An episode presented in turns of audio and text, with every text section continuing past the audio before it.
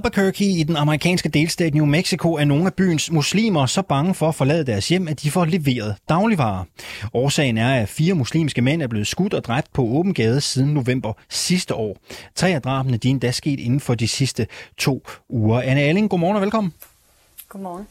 24-7's korrespondent i USA. Hvad ved vi om de her drab? Vi ved, der er tale om fire mænd. Øh, fire mænd, der alle er muslimske. Øh, de kommer fra henholdsvis øh, Pakistan og Afghanistan, men bor, øh, boede altså nu i, øh, i USA og er i, øh, i alderen fra, fra 25 til, til 62. De, øh, de boede alle sammen i den sydøstlige del af Albuquerque, øh, som også er der, hvor de her drab er fundet sted. Drab, som alle har været øh, altså direkte bagholdsangreb på de her mænd. Jamen, de øh, er blevet er stort set skudt ned på åben gade. Enten ved de gået på gaden, nogle andre har, har siddet i deres, øh, i deres bil. Men altså, ja, fire mænd, øh, alle sammen øh, af muslims baggrund.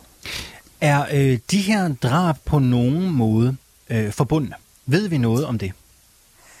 Det siger øh, Albuquerques politi, at øh, det er de. Øhm, noget af det, der egentlig er ret spektakulært ved den her sag, er, at det første drab, det faktisk fandt sted helt tilbage i november sidste år. Øh, her blev øh, en, en 62-årig øh, muslimsk mand, den første af dem, altså fra Afghanistan, han, øh, han blev dræbt på åben gade. Det var en sag, som, som man ikke fik opklaret, og som egentlig var gået lidt i sig selv, fordi man simpelthen ikke kunne finde ud af, hvad der var sket.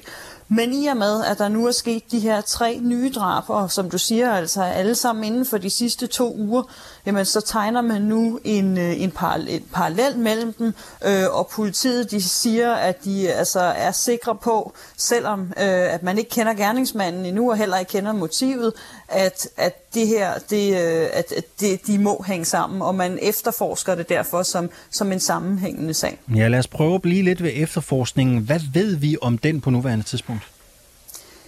Jamen, vi ved egentlig meget lidt, eller øh, og det er måske egentlig mere fordi også, at efterforskerne ikke ved særlig meget endnu det, der vi som sådan er det primære, øh, det primære øh, mål, de går efter lige nu, eller deres, deres største hint, øh, det er en bil, som de efterlyser. Det er sådan en øh, sølvgrå øh, folkevogn, hvis nok en folkevogn øh, Passat, som, øh, som hvad hedder det, øh, som Albuquerque politi altså igen og igen fremhæver, at de leder øh, efter, øh, og man kunne regne med, at det er fordi, man formoder, at det er gerningsmandens bil. Øh, det her er jo som sagt altså bagholdsangreb, angreb. Øh, en blev, blev skudt øh, på åben gade, da han gik på fortorvet. Øh, den sidste, der blev skudt her, den 25-årige Naim Hussein, som, som, øh, som blev dræbt i fredags, jamen han havde faktisk øh, lige været til begravelse for de to andre ofre. Øh, og en times tid senere, der sad han så i sin bil på en parkeringsplads, hvor han så blev altså direkte likvideret inde øh, i sin bil. Så, så man leder altså efter en, denne her bil, øh, en, en, en, en sølvgrå bil, men det er umiddelbart det sådan eneste spor, som vi i hvert fald offentligt har fået at vide, og det er også derfor, at øh, politiet de lige, nu, øh, de lige nu øh, lover en dusør på 20.000 dollar, hvis man kan komme med, øh, med spor, som kan lede til en anholdelse. Alling, kender vi til øh, racistiske fraktioner, fremmedfjendske fraktioner i Albuquerque, som kunne... Øh, som, som på en eller anden måde kunne tænke sig at have forbindelse til, til, til den her sag. Altså er der nogen øh, usual suspects, som, som, som pilen kunne pege på? Det her det falder jo lige ned i en tid i USA, hvor man øh, taler meget om den stigning i den amerikanske white power bevægelse øh, i det hele taget, altså sådan nogle øh, nynazistiske øh, tendenser. Øh, man taler om, at de har mange forskellige militser, øh, øh, der er, som også var blandt andet involveret i, i angrebet på kongressen, hvor mange af dem har nogle meget sådan øh, hvide, nationalistiske og racistiske holdninger. Det er i det hele taget noget, som har fyldt rigtig meget de seneste år øh, i debatten i USA, at der er en stigning i altså i racistisk vold, øh, og man ser i meget høj grad, hvordan det altså tit er ja, øh, hvide mænd øh, med racistiske motiver, så, så der er ikke nogen tvivl om, at, øh, at i og med, at der er tale om ja, fire øh, muslimske mænd, endda alle sammen fra, fra det samme øh, område, altså Pakistan og Afghanistan, så, så tænker alle helt sikkert på, at det her det må udover ligesom at være sammenhængende, at det også må have et, et racistisk motiv. Nu nævnte jeg i oplægget her for et øjeblik siden jo, at, at mange øh, muslimer øh, tør ikke gå ud. Øh, de er simpelthen bange for at færdes i offentligheden. Hvad, hvad siger de? Hvad er det, man, man, man, man hører dem sige i befolkningen og i den, og i den amerikanske presse nu? Jamen altså, det er jo, det er jo virkelig uhyggeligt. Øhm, der er et, øh, det er et ret lille øh, Øh, muslimsk samfund, øh, der er i New Mexicos hovedstad her, Albuquerque. Øh, et meget tæt samfund. Øh, alle de fire ofre her, de gik i den, i den samme moské. Øh, en moské, som ligger i det, øh, i det sydøstlige Albuquerque, hvor at, at der virkelig er et tæt sammenhold øh, mellem den, den muslimske befolkning. Og det har jo gjort, at alle øh, muslimer i Albuquerque lige nu er voldsomt, voldsomt bange.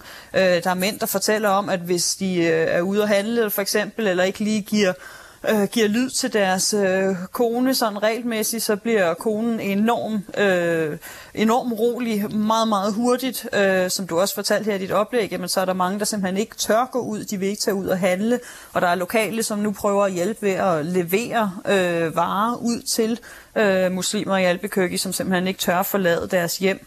Øh, den sidste mand, øh, jeg lige fortalte om der, der blev, øh, der blev dræbt efter han havde været til den her begravelse, han havde faktisk været op til imamen, der stod for begravelsen, og fortalt ham, hvor bange han selv var. At han følte sig udsat bare ved at være en muslims mand i Albuquerque. Imamen forsøgte så at og ligesom berolige ham og sige, at jamen, alle måtte ligesom, man måtte holde øje med hinanden, se sig over skulderen, og så ja, endte den her fuldstændig øh, forfærdelige skæbne for den her mand. Så det er noget, der sidder i, øh, i alle øh, muslimske, og især selvfølgelig altså muslimske mænd øh, i Albuquerque lige nu, og, og, så, og i og med, at vi ikke ved mere i efterforskningen, at man lige nu ikke ser ud til at, og, altså, at, og, og have sporet sig ind på gerningsmanden, jamen, så er det jo en, en frygt, som konstant og hele tiden bliver ved med at sidde i befolkningen. Og det er jo også en frygt, de amerikanske øh, politikere, både øh, de, de, de nationale, men også i staten, skal forholde sig til.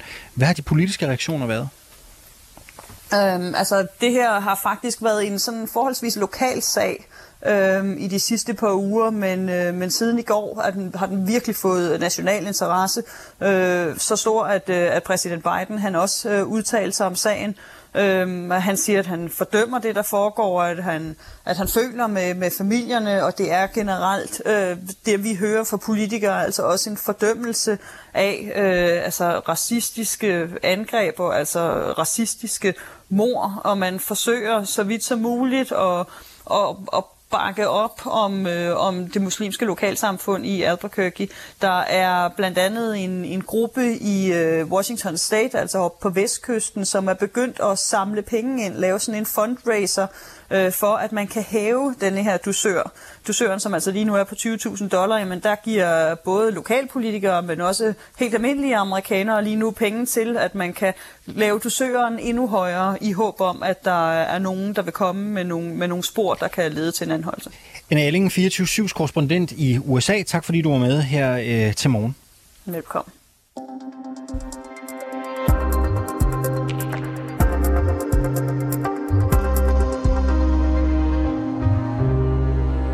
Er Venstre blevet socialister her hen over sommeren? Det er der nogen, som skyder partiet i øh, skoene. Jakob Ellemann Jensen han har nemlig nu øh, præsenteret Venstres nye boligudspil. Og Venstre de vil have kommunerne til at bygge 122.000 nye private boliger, og så vil de hjælpe førstegangskøbere økonomisk med helt op til 100.000 kroner. Spørgsmålet er jo så, Alexander, er det liberal politik? Og til at svare på det, så har vi fået besøg af dig, Louise Tejlade Thomsen. Godmorgen og velkommen til. Morgen. Du er gruppeformand for Venstre i Københavns øh, Kommune. Og du har jo øh, fortalt os, øh, Louise Tejlad Thomsen, at du i Københavns Kommune er klar til at sætte et krav om, at der skal bygges øh, private boliger simpelthen. Hvorfor vil du sætte krav om private boliger? Altså man kan sige, at det er jo ikke kun private boliger, det er jo i højere grad øh, ejerboliger, som vi mangler i København. Og man kan sige, at i dag ude i kommunerne, der har vi jo mulighed for at bestemme, hvor stor en andel der skal være almen. Vi kan bestemme helt op til, til 25 procent generelt, og endda helt op til 40 procent i København, som jo er virkelig, virkelig højt. Og det gør, at i København, der mangler vi simpelthen ejerboliger. Og derfor så synes jeg, at det er rigtig fint, hvis vi ude i kommunerne kan få et redskab til ligesom at bestemme, okay, nogle af de boliger, der bliver bygget, de skal rent faktisk også være ejerboliger. Fordi vi jo kan se, at det er det, danskerne, 7 ud af 10 danskere drømmer om at eje deres egen bolig. Og det synes jeg egentlig også, at vi har en forpligtelse for at lave en by, der ligesom kan imødekomme. Mm. Er det ikke et brud med princippet om frie markedskræfter, når du som politiker øh, går ud og stiller krav om et eller andet bestemt øh, udbud, som vil påvirke markedet? Nej, men det synes jeg ikke. Altså man kan sige, at vi har jo kommunalbestyrelse rundt om i hele Danmark, fordi vi skal sætte en retning for vores by. Hvis vi øh, vil lave en ny vej, så øh, er det heller ikke, fordi vi vil op til markedet at bestemme, om det skal være en motorvej, eller en landevej, eller en motortrafikvej. Det er jo os, der sætter en politisk retning om det. Når vi laver nogle nye byudviklingsområder, så synes jeg, det giver rigtig god mening, at vi også går ind og bestemmer, hvor mange, eller har mulighed for at bestemme, hvor mange der så skal være minimum være ejer. Øh, ligesom vi også i dag i lokalplaner bestemmer, hvor mange der skal være øh, serviceerhverv, hvor mange parkeringspladser der skal være og sådan nogle ting. Så jeg synes, det er et redskab, vi mangler i vores værktøjskasse. Mm. Og jeg vil bare sige, at jeg synes, at det er virkelig god borgerlig politik, at vi endelig begynder at snakke om ejerboliger. I alt for lang tid, så er debatten bare kun handlet om, at vi skal have flere almindelige boliger. Vil det være fair at sige, uh, Louise Harlade Thomsen, at nu kalder vi det førstegangskøber uh, mm. i, i indslaget i dag, altså som får den her bonus, kunne man sige. Man får mulighed i hvert fald for at, at, at spare helt op til 100.000 øh, kroner. Vil det være fair at sige, at det måske øh, i overvejende grad er unge, Ja, altså øh, det er jo målrettet førstegangskøbere, som jo særligt er unge mennesker. Og det er jo også fordi, vi ser, at generelt gennemsnitsalderen for førstegangskøbere bliver højere og højere. Og når vi hører, hvad Venstrefløjen ligesom vil gøre ved det, så vil de gerne sørge for, at der skal bygges nogle flere lejeboliger, der skal bygges nogle flere almene boliger. Sæt lige derfor... nogle ord på, hvis vi holder os til det. Ja. Øhm, hvordan det er liberale politik øhm, at gå ind og tilgodese en bestemt befolkningsgruppe, i det her tilfælde øh, unge, som jo ikke bidrager med nær så meget Men... skat som for eksempel øh, ja, ældre mennesker eller øh, højt uddannet? Altså man kan sige, at det behøver ikke nødvendigvis at være unge. Det kan jo sagtens være... Øh, Jamen, du sagde lige selv, at, at det er jo er det fleste unge. unge. Hvordan er det liberal politik at tilgodese en bestemt øh, befolkningsgruppe? Altså jeg synes, det handler om, øh, hvad for et samfund vi gerne vil have. Vi tilgodeser jo også unge ved at give dem SU, når de studerer. Vi tilgodeser pensionister ved, at de kan få rabat øh, forskellige steder. Jeg synes, det er fair, at vi går ud og siger, at vi vil have et øh, problem her. Gennemsnitsalderen for førstegangskøber bliver højere og højere vi kommer med et modspil til det, som Venstrefløjen hele tiden kommer med, at vi skal have flere almene boliger og siger, lad os give en hjælpende hånd til, til dem, der skal ud på, på, øh, på markedet for første gang. Lad os hjælpe dem til i højere grad at kunne få deres første ejerbolig. Og man kan sige, at hvis du er 40 år og skal have din første ejerbolig, så gælder det også for dig. Så på den måde er der jo ikke en aldersgrænse på, men selvfølgelig er det flest yngre mennesker, der ligesom mm. ud og køber en bolig første gang. Skal vi ikke lige prøve at høre fra Heidi Bank, som er boligordfører for Venstre. Hun sagde sådan her på et øh, pressemøde i går. Og så er det her jo også en kulturændring i forhold til, at man bliver mere bevidst om, at der faktisk er en grund til at spare op til den der første bolig. Øh, nu snakker vi jo, og det er jo det store spørgsmål mm. øh, i dag, Louise Sejlad Thomsen, altså det der med, hvorvidt et udspillet egentlig er liberal øh, politik, det er det, vi forsøger at kratte lidt i. Ikke? Øh, er det liberal politik, når man som politiker skal blande sig i, om unge sparer op, som vi også hører fra Heidi Bank her? Altså man kan sige, det, var, det var en kommentar, Heidi kom med. Det er jo ikke det, der er målet med udspillet. Målet med udspillet er jo at hjælpe øh, danskerne til i højere grad at kunne eje deres egen bolig. Og det synes jeg er liberal politik, øh, at folk de kan få lov til at eje øh, deres egen bolig. Mm. Når, når Heidi Bank her sætter fokus på det der med, at det er også en hjælpende hånd i forhold til, at unge øh, skal spare op. Vil du selv have sagt det i et, øh, i et interview? Mm, jeg ved ikke, om det er det, jeg vil have lagt fokus på, men det ser jeg egentlig heller ikke som noget negativt. Altså, det er jo sådan en tilskyndelse til, at man så i højere grad kan, kan spare op. Øh, men igen, det er jo ikke det, der er, der er essensen i forslaget. Essensen i forslaget er jo, at vi skal give kommunerne nogle redskaber. Og man skal også bare huske på, at boligmarkedet i dag er jo sindssygt reguleret. Og i kommunerne kan du netop bestemme, hvor mange almen der skal være. Og derfor synes jeg, det giver rigtig god modspil, at vi fra Venstre kommer øh, med et andet bud på, hvordan vi også skal være med til at sammensætte vores boligmarked, for rent faktisk at hjælpe folk med at kunne eje deres egen bolig, mm. som jo er det, som rigtig mange danskere drømmer om. Ved at give det her øh, fradrag til førstegangskøbere, så, så poster man jo også flere penge i et københavnsk boligmarked. Øh, øhm, som i forvejen er ret dyrt. Mm. Prøv lige at forklare os, hvordan det er en god beslutning. Altså man kan sige, at forslaget går på to ben. Det ene det handler om, at du skal kunne få et større fradrag, når du sparer op, men det andet det handler om, også om, at du skal øge udbuddet ved forhåbentlig at få bygget nogle, nogle flere øh, ejerboliger. Øhm, så på den måde, så synes jeg, at det, det giver rigtig god mening. Men, det var, at du spurgte om lige før. Jamen, det er bare, fordi jeg tænker på, at man kunne vel bare have øget øh, boligudbuddet ja, men et og holde fast i det ene ben. Ikke? På den måde, så vil priserne også falde Ja, men et af problemerne er jo også, at der er kun lidt over 20 procent ejerboliger i København, fordi vi netop har så mange øh, lejerboliger. Så det er jo et redskab, vi mangler, fordi vi ved jo også, når udbuddet er så lille, som det er, og 7 ud af 10 danskere drømmer om at eje deres egen bolig, så gør det jo bare, at ejerboliger i København bliver helt vildt dyre. Og derfor så handler det jo både om, at vi skal hjælpe folk med øh, at få et fradrag, når de sparer op, men samtidig så skal vi jo også sørge for, at vi kan øge udbuddet, ved der simpelthen bliver bygget nogle flere ejerboliger. Og der synes jeg, vi mangler et redskab ud i kommunerne til ligesom at bestemme, når vi laver lokalplaner, okay, vi vil have en vis andel skal være ejerboliger. Men kunne I ikke bare have øget boligudbuddet? Det vil jo også øh, sørge for et prisfald. Jamen, som det vil jeg også gerne. Til gode, Det- det- og, så, og så parkere øh, hele det andet ben, som handler om den her øh, opsparingsordning for, for unge primært. Nå, men jeg synes egentlig, at det, det hænger rigtig godt sammen, at vi ligesom har et udspil, der tager højde for mange forskellige ting. Øhm, der er jo også forskellige udspil i forhold til, at så kan du få lov til at bygge nogle mindre boliger og sådan. Så på den måde synes jeg egentlig, det er rigtig god mening, at vi kigger på både at hjælpe folk, øh, der er førstegangskøbere, men også generelt bare kigger på at øge hele udbuddet, som jo også vil, vil hjælpe alle mennesker, kan man sige. 1,13 milliarder kroner årligt er der afsat øh, til initiativet her. Derudover så er der 3 milliarder afsat til støjreducerende tiltag rundt omkring i landet, hvor det måtte være et særligt øh, problem. Øh, hvor kommer pengene fra? Altså, det har Venstre jo sagt, at øh, de vil komme med, med et forslag til deres 2030-plan. Men man kan sige, at jeg sidder jo i kommunalbestyrelsen i København, så det, der er det vigtige for mig, er jo, hvad mm. det er for nogle værktøjer, vi kommer til at arbejde ja. ude i kommunerne. Det er jo sådan set ikke i, i, ude i kommunerne, vi skal stå for selve sådan den. Nej, jeg, jeg er bare nysgerrig, fordi du sidder jo også ret højt placeret i, i Venstre. Ikke? Du er gruppeformand i borgerrepræsentation. Det er bare, om man har luftet et forslag og en vision og afsat nogle penge, uden rigtig at vide, hvor pengene kommer fra. Mm, Er det det er jeg sådan set ikke nervøs for. Man kan sige, at de har blandt andet ved at sige, at de vil prøve at kigge på nogle af, af ja. jobcentrene. Men det, jeg egentlig bare synes er det vigtigste ved det her forslag, det er, at der endelig er et parti, der går ud Det er og mere, om snakker du om... synes, lad os lige prøve at blive ved det. Ja. Det er mere, om du synes, det er øhm, seriøst. Ganske kort tid før en øh, valgkamp, der bliver givetvis udskrevet valg om lidt, at man som stort parti, potentielt et statsministerparti, øh, kommer med en øh, forkromet plan, øh, der skal løse et presserende problem, og så ved man ikke rigtigt endnu, hvor pengene de kommer fra. Synes du som politiker og medlem af Venstre, at det er seriøst? Ja, jeg synes, det er seriøst. Jeg synes, det er et godt udspil. Altså, Socialdemokratiet har jo også kommet med flere udspil. Der er ikke nødvendigvis, for de ikke har fremlagt finansiering samme dag. Og jeg er ikke nervøs for, at Venstre de kommer til at fremlægge en plan, hvor vi kan finansiere det her. Men man, man, kan- man kan Hvad sige, hvis man ikke kan? Altså, hvad hvis man ikke kan finansiere det? Hvis man ikke kan finde de penge, hvad så? Jamen, det her det handler jo også om, at hvis man så forhåbentlig vi får regeringsmagten efter valget, så skal vi jo kunne se, om vi kunne lave en aftale med de andre partier. Og vi lægger frem nu, hvad er vores øh, drømme, hvad er vores håb for en politik. Men I lover med til at vel sætte også en retning i vælgerne debatten. noget, eller I, I, I, I giver vel Altså, jeg tror vælgerne... ikke, der er nogen, der har lovet vælgerne, at det her det kommer til at ske i morgen. Men vi siger, at det her, Nej, nej, det er men, vores men, drømme. man siger, man, siger man, man, man, man sætter nogle ret konkrete løfter op. Ikke? Blandt andet 122.000 nye ejerboliger over de kommende 10 år. Mm. Det er en del af det her udspil. Men man ved ikke rigtigt endnu helt præcis, hvor man skal hente pengene. Det er mere... Man ved jo ikke, hvad man får, vel, hvis man sætter sit kryds på venstre. Det, det er mere, kan man, Mm, kan man synes nu, man kan være jeg ikke, jeg er enig kan man med være i. det bekendt? Nu, vi har, ja, det synes jeg godt, man kan, fordi vi har jo lagt frem, hvad er det, vi vil kæmpe for? Mm. Hvad er det, vi vil finde midler til? Hvad er det, vi synes, der skal prioriteres, når vi forhåbentlig får regeringsmagten til det næste valg? Og man kan sige sådan noget med at give kommunerne nogle flere redskaber, for eksempel til at kunne bestemme, hvor stor en andel der skal være ejerboliger. Det er jo nødvendigvis ikke noget, der koster noget.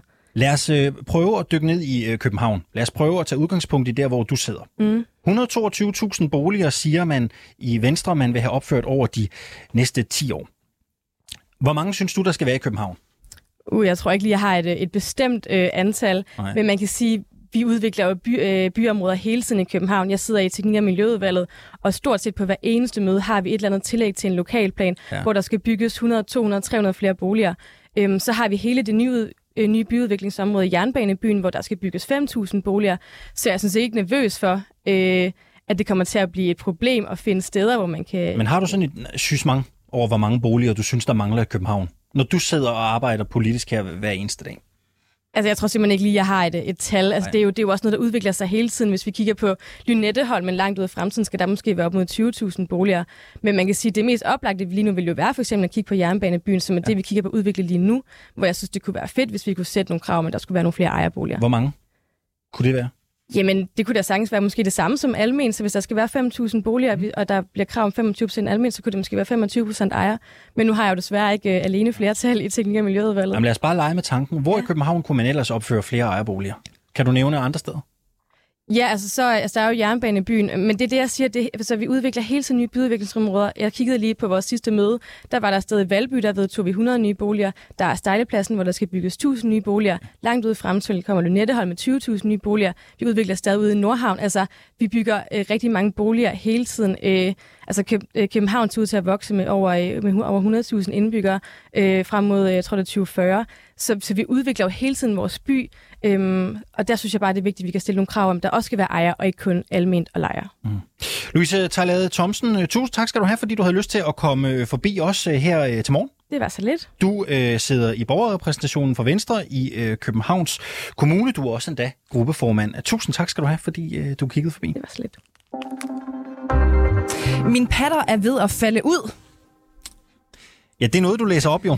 øh, du snyder mig ikke. Men godt det er jo ikke sjovt. Altså, det er jo ikke sjovt. Det er, vi skal jo faktisk til noget øh, seriøst. Jeg kunne bare ikke lade være. Undskyld, nej, nej, jeg forstår. Øhm, sådan lyder overskriften, og der er garanteret mange af jer, øh, der har læst den allerede. Og det er på en reportage øh, fra musikeren Jadas koncert på Smukfest. Afsenderen, det er Ekstrabladet, og artiklen har øh, mødt øh, meget stor kritik for at være misogyn, altså kvindefjendske, kvindehadende på øh, sociale medier. Og det er det, det skal handle om nu, Alexander. Har du selv læst artiklen eller stusset over noget? Nej, nej det har jeg faktisk ikke. Den har fået enormt meget kritik på. Der er både øh, øh, hvad hedder hun, Iben Marie Søjden og flere forskellige andre øh, mediefolk, som er ude og sige Ekstrabladet, velkommen til 2022, hvor de er den i alverden kan I finde på at skrive en artikel, som udelukkende handler om en kvindelig kunstners øh, udseende og ikke et ord om øh, mm. hendes musik. Ikke? Øh, vi skal høre nu et lille klip fra programmet Babylon, fordi der kunne man nemlig høre Emma Sylvest, og det er øh, journalisten fra Ekstrabladet, som rent faktisk har skrevet den her artikel. Hun fortæller, hvordan den her skarpe kritik har ramt hende jeg er utrolig ked af at øh, blive kaldt ja, kvindehader er det jo så, og så også sexistisk, fordi det vil jeg virkelig, virkelig ikke selv sige, jeg er. Jeg opfatter den her reportage som en hyldest til Jada, og så kan det godt være, at det er skrevet i et sprog, som Maria Støjden måske ikke er glad for, men jeg mener bestemt ikke, at den er misogyn på nogen måde. Kritikken kommer øh, blandt andet fra vært og journalist i Marie Søjden, som jeg lige var inde på tidligere, der altså mener, at reportagens fokus på øh, Jadas påklædning og manglende fokus på det kunstneriske er decideret nedladende og kvindefjendsk. Vi har også talt med øh, Knud Brix, som er chefredaktør på Ekstrabladet, for at få svar på, om kritikerne bare er krænkelsesparate, eller om de har misforstået reportagen. Jeg vil gerne øh, til at starte med spørge dig. Den her artikel med rubrikken Min patter er ved at falde ud, er den inden for skiven? Ja, fuldstændig. Det er en uh, glimrende reportage, hvor journalist Emma Sylvester lavede. Hvorfor øh, bruger I rubrikken Min patter er ved at falde ud? Det er jo fordi, det er et øh, direkte citat øh, fra Jada på scenen, øh, og som øh, hun brugte, kan du sige, i sin, øh, under sin koncert, øh, og derfor citerer vi det. Og øh, der var ikke nogen overvejelser om at øh, beskrive det med, øh, med musik for eksempel, eller øh, Jadas øh, musikalitet. Øh, det skal jeg ikke kunne sige. Jeg har ikke været inde over processen, men det der er jo ikke en anmeldelse, sådan som det bliver fremført af, af dem, som har kritiseret det. Altså, det er jo en reportage, hvor, hvor man beskriver, hvad sker der? Og det var jo øh, en af de der øjeblikke under koncerten, hvor hun siger det her, og bagefter, som jeg forstår det, øh, viser sit, sit bryst. Øh, og derfor så, så citerer vi fra det i en reportage, og, der, og kan selvfølgelig bruge det fuldstændig frit i en rubrik. Det er helt gængs. Der er jo også øh, mange beskrivelser af Jadas øh, tøjvalg, blandt andet også i, øh, i underrubrikken. Er det et bevidst valg, at øh, det skulle handle så meget om Jadas påklædning og øh, hvordan hun så ud? Jamen, det synes jeg heller ikke, det gør. Altså, øh, jeg synes, det der er en, faktisk en både velskrevet og fremragende reportage, som jo et eller andet sted hylder kvinders øh, frie valg til at klæde sig lige præcis, sådan som de vil, for det er jo det, Jada, hun gør. Hun er jo øh, kropspositivist, og det synes vi da bare er glimrende. Øh, og det er jo det, som øh, Emma har beskrevet, og så også den solidaritet. Altså, hvis man ikke læser det der med sådan en eller anden mærkelig øh, pincet, men læser den øh, reportage, Emma har skrevet, det har jeg på fornemmelsen, at der ikke er ret mange, der har gjort, så vil man jo se, at det dybest set øh, er en beskrivelse af den solidaritet, der er også, og at folk var øh, selvfølgelig glade for det der, hun, hun kom med og som jo i øvrigt er hendes budskab generelt, altså den her kropspositivisme. Så øh, altså det blandt andet øh, Iben Maria Søjden har øh, rejst en kritik af, det er, det er fordi, at man ikke læser hele artiklen, men øh, vælger at gå i nogle små detaljer. Ja, eller endnu værre, fejllæser den. Fordi det der er jo fejllæst som en anmeldelse, hvor Thomas Treve bliver rodet ind i det. Og så siger man, nå, så har vi sendt en kvinde ud for at skjule vores misogyni, altså vores kvindehad. Øh, og derfor har vi sendt en kvindelig anmelder ud, og det er selvfølgelig fuldstændig forfejlet for det første, fordi det slet ikke er en anmeldelse, men en reportage. Og dernæst, øh, så har vi selvfølgelig ikke en eller anden skjult dagsorden om at sætte en kvinde ind, og så skulle vi skrive kvindehadsk. Altså, det er jo sådan en rimelig absurd påstand, som jeg jo nærmest ikke engang behøver at kommentere. Knud Brix, kan du øh, på en eller anden måde forstå, hvorfor at, øh, altså i kraft af, at øh, Thomas Treve jo også er i øh, jeres folk, at øh, der er mange læsere, som ikke kan øh, se forskel læse forskel på en anmeldelse og en reportage, når øh, det er et, øh, et tema som, øh, som Jada og kropspositivisme? Nej, slet ikke. Altså, hvis man ikke kan se, at en anmeldelse af en anmeldelse. Det er jo i øvrigt fuldstændig markeret øh, stort, når der er noget at tale om en anmeldelse. Og så øh, det her, som er en fuldstændig øh, gængs og klassisk og glimrende reportage, og som jo slet ikke indeholder det budskab, som hun forsøger at prakke os på, så det kan jeg ikke se. Hvad, øh, hvad, hvad synes du om øh, den her kritik? Det er jo blandt andet også øh, Everyday Sexism Project, som, øh, som skriver, at øh, der er jo alt for stort fokus på påklædning og ikke øh, koncerten. Det er, jo, det er jo simpelthen ikke rigtigt. Altså hele artiklen er jo en lang beskrivelse af, hvad der sker til koncerten, og hvordan folk reagerer på det her. Og så også øh, at Jadas øh, kropspositivisme, som jo er et glimrende kunstnerisk projekt, det skal hun have alt muligt held og lykke med. Jeg, jeg, jeg synes, det er så et fremragende budskab, men det, er simpelthen, det gør det jo ikke mere rigtigt, øh, kritikken man er velkommen til at skyde på Ekstrabladet. I Maria skal have lov til selvfølgelig det der. Vi har så selvfølgelig også bare lov til at svare på det, og det er jo så det, vi gør her hos dig blandt andet. Mm. Hvad så med øh, altså Sofie Linde eller Pernille Rosendal, øh, Lord Siva? Der er jo mange, som har øh, kommenteret på i Marie Søjdens øh, opslag. Er de øh, fuldstændig væk her?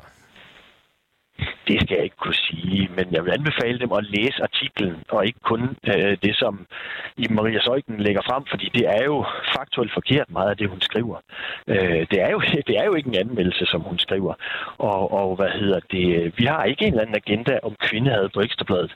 Øh, så jeg synes næsten altid, man kan gøre sig selv den tjeneste, inden man ligesom øh, fejrer blækhuset, det er at læse artiklen, så tror jeg sådan set, at de her mennesker vil falde ned igen.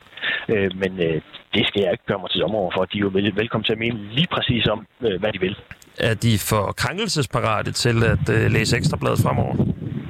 Jeg tror bare ikke, at de har læst det grundigt nok. Altså, jeg tror sgu helt ærligt ikke, de har læst det. Fordi man kan næsten ikke læse det, og så mene det der, øh, medmindre man er så ude øh, sådan bevidst, siger, okay, vi har en eller anden agenda, den kører vi med, og, og, og vi hader ekstrabladet, eller hvad ved jeg. Altså, det, det er helt fint. Det lever jeg så, det lever jeg fint med. Når du siger, at øh, Sofie Linde, Pernille Rosendal, Lord Siva, Lydmor, øh, de her navne, jeg nævner, de, ikke har, de har ikke læst artiklen. Det ved jeg ikke. Det er jeg jo ikke. Jeg kan bare stille mig lidt undrende over for det. Altså. Mm. Men du antager, at de ikke har læst det? Jeg kan jo ikke vide, om de har læst det. Jeg siger bare, det er ganske svært at læse den der artikel i sin fulde længde. Og så være vred på den, fordi der er jo ikke, altså, der er ikke misogomi, der er ikke, der er jo ikke skyggen af noget som helst problematisk i den her. Og det vil man jo finde ud af, hvis man læser det hele. Det er jo nærmest det modsatte, der er budskabet af, hvad den bliver beskyldt for. Mm. Det lyder bare som om, du antyder, at, øh, at de her mennesker, jeg nævner, de så er ignorante. Nej, og øh, bare fordi de er uenige med Ekstrabladet, så er de... Øh... Nej, det siger jeg ikke. Okay. Overhovedet ikke. Øh, hvorfor skulle de være ignorante? Men helt ærligt, jeg har da også taget mig selv i nogle gange, læse en artikel, så har man ikke fået hele konteksten med. Så har jeg hisset mig, op, mig op over det, og der har jeg nogle gange taget mig selv i, så når man har læst den fulde kontekst, så kan man godt se, ja, okay, det var måske ikke så slemt. Altså, sådan er det jo. Og det håber jeg, at det er sådan, det er foregået. Jeg ved jo ikke, om de har læst den fulde artikel. Jeg siger bare, hvis man læser den fulde artikel, så er det ganske svært at være ophidset. Ja, så lød det fra øh, Knud Brix, den øh, travle mand, som altså også her var på farten, kunne vi lige høre i, øh, i øh, stiv øh, cooling. Det er han også tit. Chefredaktør på Ekstrabladet, da han altså talte med vores kollega Mathias Stilling. Alexander, når børn og øh, unge i Danmark, de for eksempel bruger en eftermiddag på at spille øh, FIFA, eller hvad det nu øh, kan være, så kan de faktisk risikere at blive øh, tilvendet til at øh, blive ludomaner. Det er deres hjerner, der, der spiller dem et pus. Ikke?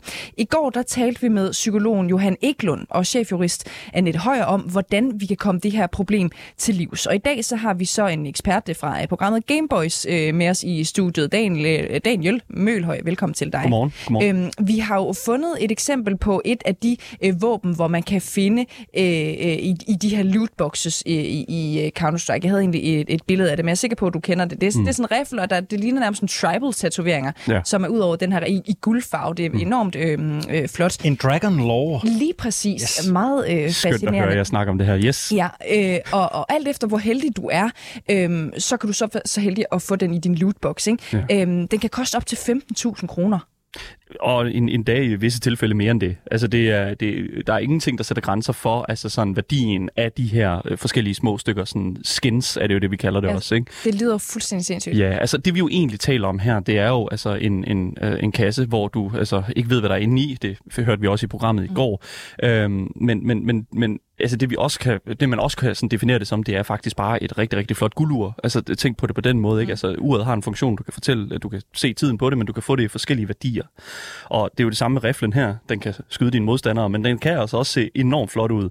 Og så stiger værdien jo afhængig af, hvor mange der har haft det her guldur på, og selvfølgelig også, hvor, hvor, hvor lang tid det har det er blevet brugt. Øhm, og altså, når du åbner den her lootbox her, altså, så er det bare rent tilfældighed, hvordan og hvorledes øh, det dukker op. Jeg har selv øh, forsøgt mig med at åbne nogle af de her kasser her, og har endda også modtaget et skin, som jeg kunne sælge for 2.000 kroner.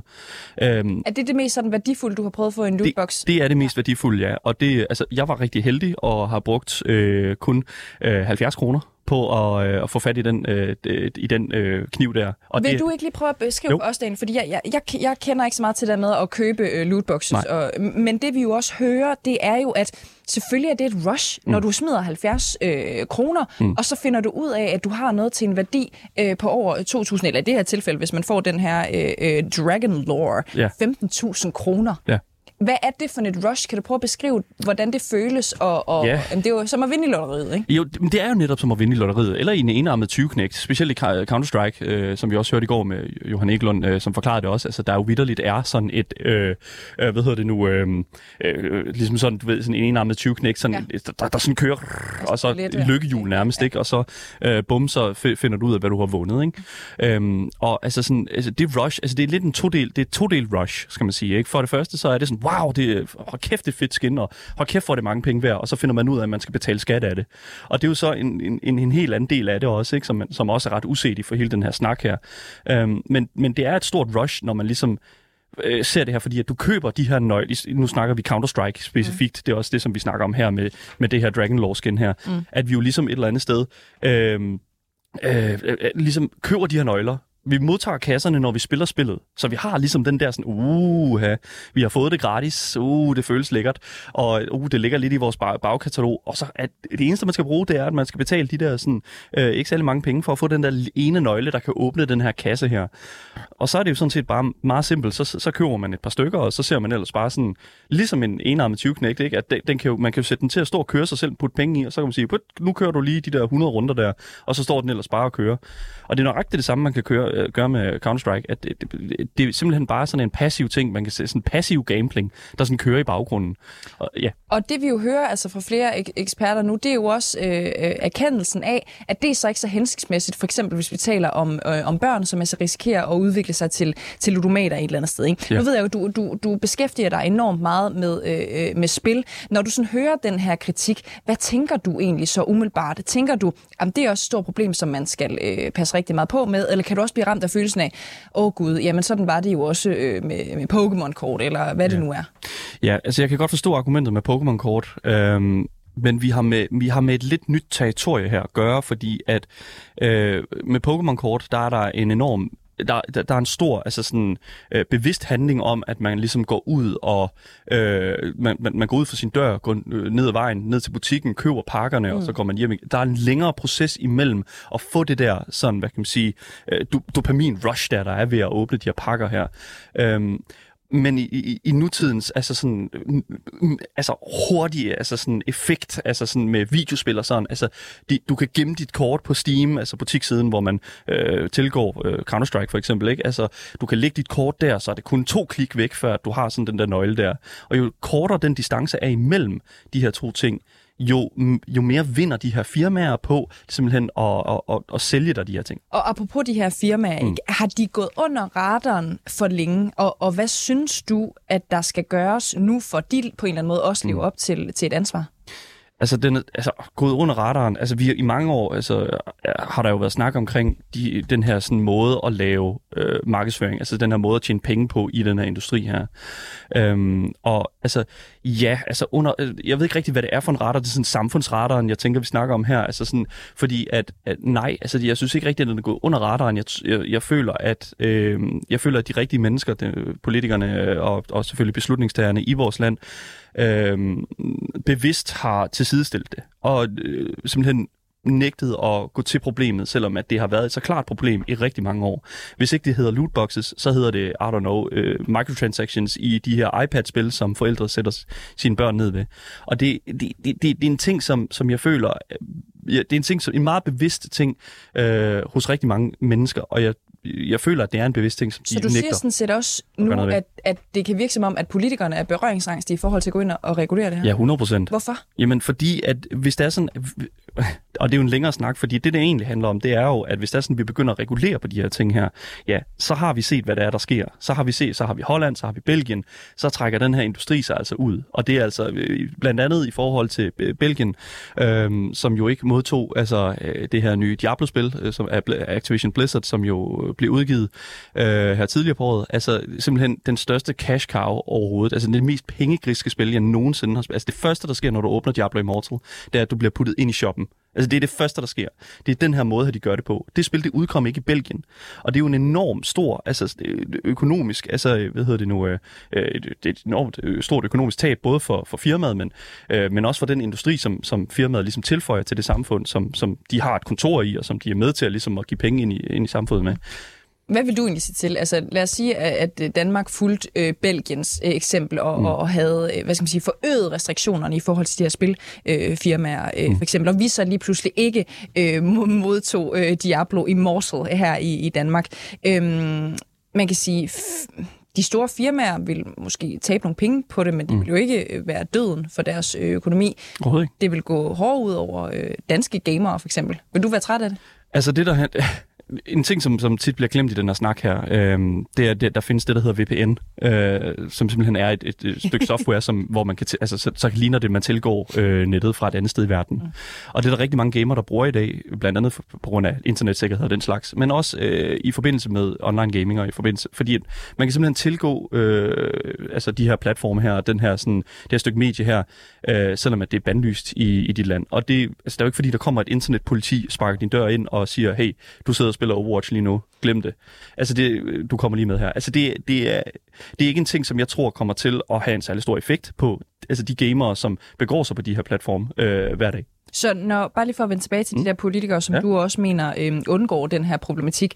Tror du det er fordi, at de ved, at jamen, spilfirmaerne, så finder de bare øh, et andet øh, marked, så lader de bare være med at udgive øh, hos os? Altså, det kan ikke betale sig? Eller tror du, de er bange for noget andet? Nej, men jeg, jeg, jeg tror ærligt talt, at det handler om, at i deres, øh, i deres hoveder, så er det en kultur, som, øh, som, som er meget fjern fra dem. Og øh, jeg tror, at der er rigtig mange mennesker, som føler, at øh, spil og, og, sådan, den, og industrien, altså bag hele spilkulturen, også er meget fjern fra dem. Altså- Betyder altså, det også, at fordi det her område er fjern fra dem, mm.